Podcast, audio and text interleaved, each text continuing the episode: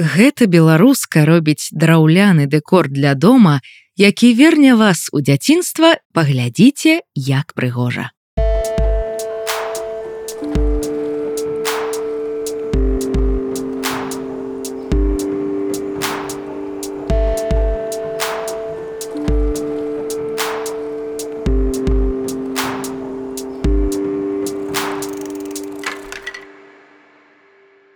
Разьбяныя люстэркі, чароўныя драўляныя пано, падносы і вешалкі, на якія нібы сышлі персанажы кніжак з казкамі. Усё гэта Ірына Бельская стварае ў сваёй майстэрні прыгожа дома. Сама прыдумляе сюжэты, сама выпілоўвае і распісвае. Мне часта кажуць, што мае работы нібыта вяртаюць у дзяцінства, дзеліцца яна. І хоць у маім дзяцінстве такіх вырабаў не было, я магу зразумець, чаму многім гэта нагадвае нешта з мінулага. Усё, што я раблю, вельмі па-дамашняму.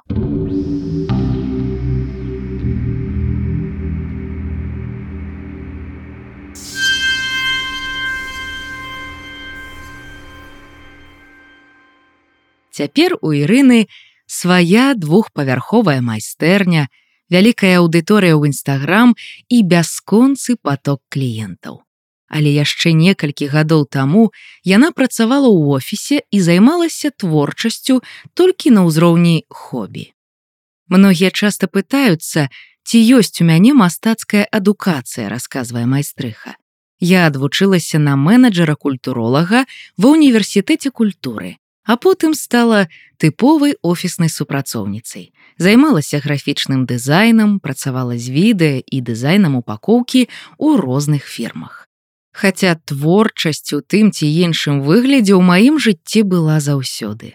Я любіла маляваць, ляпіць, але ўсё гэта пасля асноўнай працы. З цягам часу я адкрыла ІП і стала аказваць дызайнерскія паслугі ў вольным плаванні. Вядома, сыходзіць з офіса было страшнавата. Я тады здымала кватэру, а потым вырашыла, што буду будаваць сабе другі паверх у прыватным доме ў бацькоў. Узяла крэдыты, адзін, другі, і з гэтым багажом пачала працаваць на сябе. Але па факце я не сыходзіла ў нікуды. У мяне ўжо была кліенцкая база па графічным дызайне, а паралельна з'яўлялася ўсё больш заказаў і на мае вырабы. Дызайнам я займалася яшчэ некалькі гадоў і канчаткова адышла ад гэтага толькі калі поток пакупнікоў стаў вялікім. Так што моманту, калі я вырашыла вось кідаю працу і сыходжу ў творчасць, не было. Усё атрымалася неяк натуральна і само сабой. Чаму менавіта дрэва? Першапачаткова я займалася керамікай, працягвае Ірына. І ў першай сваёй выставе удзельнічала з гіпсавымі фігуркамі. Яны былі цікавыя тым, што я не адлівала па гатовай форме, а сама рабіла яе з пластыліну. Усе падыходзілі і пыталіся яны драўляныя, А праз некаторы час бацька звярнуў увагу на кучу абрэзак ад дошак у нашым прыватным доме і заўважыў, А ты б свае вырабы магла паспрабаваць рабіць з дрэва. Мне тады гэты матэрыял быў наогул незразумелы. Да сябе яго я ніяк не стасавала. Здавалася, што без нейкай спецыяльнай адукацыі або моцнай мужчынскай рукі працаваць з ім немагчыма. Але неяк улетку ў двары паспрабавала выпілаваць сваю першую фігурку анёла. І ўсё атрымалася. У мяне ўжо была аўдыторыя ў нстаграм, усе гэтую ідэю падтрымалі і напісалі столькі добрых слоў, што я вырашыла. Трэба спрабаваць далей. Спачатку пілавала ў сястры ў падвале, афарбавала дома. А потым муж пабудаваў майстэрню замест гаспадарчай пабудовы побач. Так што з таго часу ад дома да працы мне ісці 50 метраў. Мае вырабы спадабаліся пакупнікам я стала ўдзельнічаць у кірмашах у мінску і Маскве, а ідэй станавілася ўсё больш.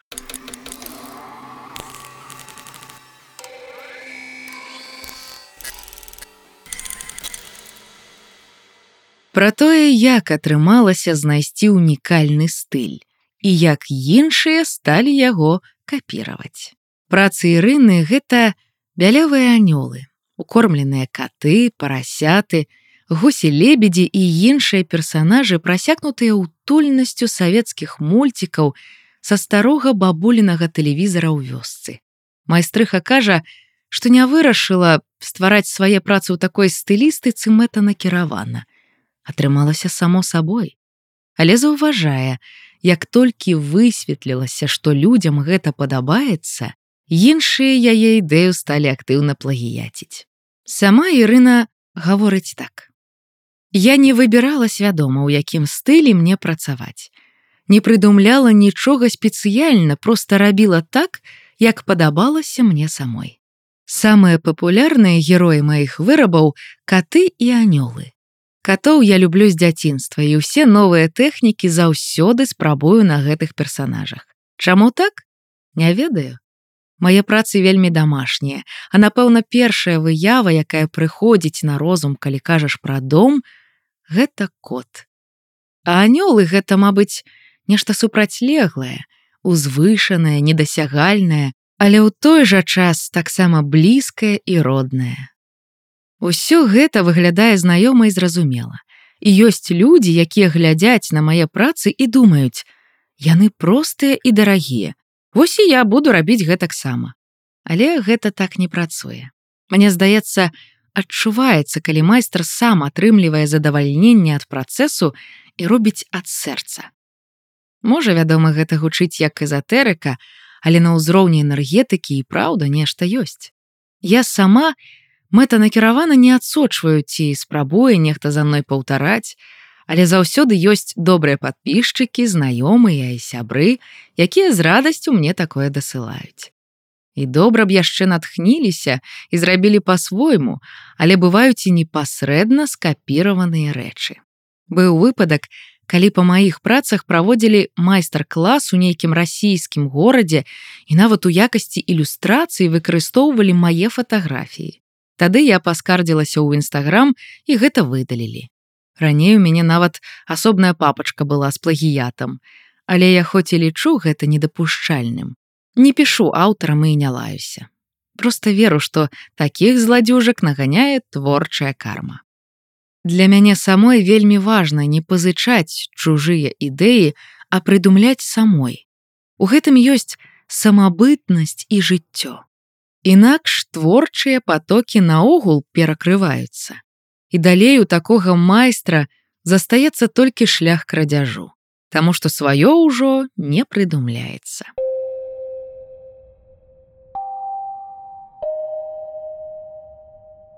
пра пастаянных пакупнікоў і любімыя вырабы. Асноўны поток кліентаў майстэрні беларусы і расіяне. Бываюць і замежнікі з больш далёкіх краін, але таксама рускамоўныя. Ірына прызнаецца, што слаба сябруе з англійскай і не прасоўваецца на англамоўную аўдыторыю. Мне здаецца, моя мэтавая аўдыторыя, людзі, якія аддаюць перавагу загараднаму жыццю ў прыватных дамах, кажа Ірына. Магчыма, у кватэру з сучасным інтэр'ерам мае вырабы не ўпішуцца. Гэта хутчэй пра кантры ці наіў. Заўважаю, што ў пакупнікоў ёсць любімыя працы, пра якія ўвесь час пытаюцца. Напрыклад, анёлы з домікам у сэрцы. Гэта ўвогуле адзін з маіх знакавых вырабаў. Аднойчы я ўбачыла дошку, з якой выпаў сучок і падумала, што зраблю з яе фігурку анёла, а ў дзірачку змяшчу хатку. І з тых часоў гэта ідэя людзям вельмі спадабалася. Або сямейныя партрэты, аб'ёмныя галовы жывёл у авальнай раме, катоў, сабак, свіней, лісіц. Раней я рабіла іх на дзве персоны. А з нараджэннем дзіцяці на карцінах таксама з'явіліся малыя. Пытаемся аб працы без заказаў і бізнес-планаванні якога няма. Некалькі гадоў таму Ірына цалкам адмовілася ад прац на заказ. І прызнаецца, што дарасці да моманту, калі ты можаш рабіць толькі тое, што хочаш сам, мара любога майстра і мастака.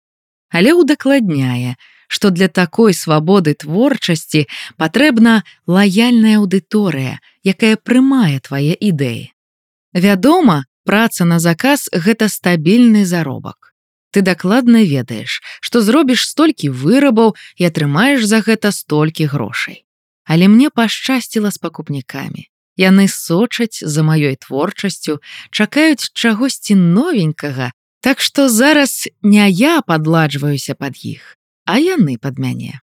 Я не стаўлю перад сабой нейкіх канкрэтных лічбаў і паказчыкаў. І нейкай бізнес-стратэгіі ў мяне няма. Але лічу, што такое можна сабе дазволіць толькі пры напрацаванай аўдыторыі. Навічкам я б так рабіць сапраўды не раіла. У той жа час, нягледзячы на ўсю гэту свабоду, лічу сябе чалавекам даволі прадукцыйным. Я заўсёды ў працэсе. На адзін выраб трачу ў сярэднім 3-4 дні. Але ўвогуле складана сказаць таму, што звычайна раблю паралельна некалькі прац. Мне цікавей, калі ёсць магчымасць пераключацца. Сёння, напрыклад, у мяне дзень пілавання. І я пілую адразу некалькі вырабаў. Заўтра шліфую, потым распісваю.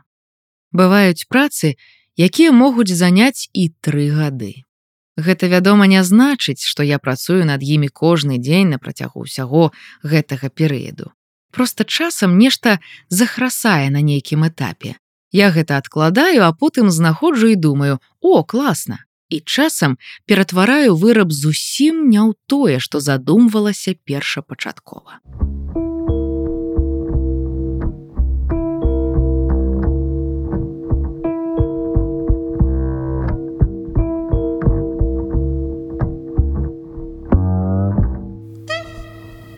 Гаворачы пра будучыню сваёй майстэрні, Ірына жартуе, што ад якога-небудзь планавання адмовілася гады два таму.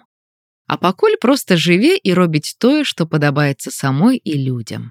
Але марыць больш працаваць з мэблі і рабіць упор на мастацкі складнік сваіх вырабаў. Ірына кажа: « Я не думаю пра нейкае глобальнае маштабаванне ці масавую вытворчасць аднолькавых рэчаў гэта ўжо не пра ручную працу і унікальнасць. Тым не менш, штосьці я стала дэлегаваць. Доўга разважала, якія моманты, дзе маё аўтарства было б непрынцыпова, магу аддаць на бок. І спынілася на фразіроўцы для люстэркаў. Раней я займалася гэтым сама, і для мяне гэта быў дзень стрэсу. Пілаваць з часам таксама мусіць можна аддаць камусьці іншаму, але цалкам адмовіцца ад гэтага я не змагу. Гэта ж таксама працэс творчы і непрадказальны. Бывае, з'едзе лобзік кудысьці не туды. А гэта памылка прывядзе да нейкага новага вырабу, да якога я бы не дадумалася. А вось роспіс сапраўды нікому не даверу. Гэта маё. Калі казаць пра планы, мне б хацелася больш папрацаваць з мэбляй. Я гэта вельмі люблю. Вось нядаўна скончыла камоду з катом. Гэта, дарэчы, была моя самая дарагая праца 930 рублёў. Я яе і гравіравала і апальвала і сякеркай абстуквала. Увогуле чаго толькі з ёй не рабіла. А зараз яна адправілася ў саранск. Цяпер сваё развіццё я бачу ў тым, каб рабіць унікальныя вырабы, дзе адзінка будзе каштаваць больш. А яшчэ мне б хацелася, каб мае працы мелі не толькі камерцыйны поспех, але і мастацкую каштоўнасць і каштоўнасць майго аўтарства. Адна моя пакупніца неяк сказала: « Я купляю у вас не проста брошку з домам у возера. Я купляю вашы гісторыі, як вы ходзіце з сынам карміць кос, як вырошчваеце кветкі на тэрасе і як фатаграфуецеся ў люстэрка ў садзе. І ведаеце, Я з ёй згодна, бо за кожным маім вырабам і сапраўды ёсць свая гісторыя. Мае працы не проста цесна пераплецены з маім жыццём. Яны і ёсць яго частка. І мне важна дзяліцца гэтым з іншымі. Thank you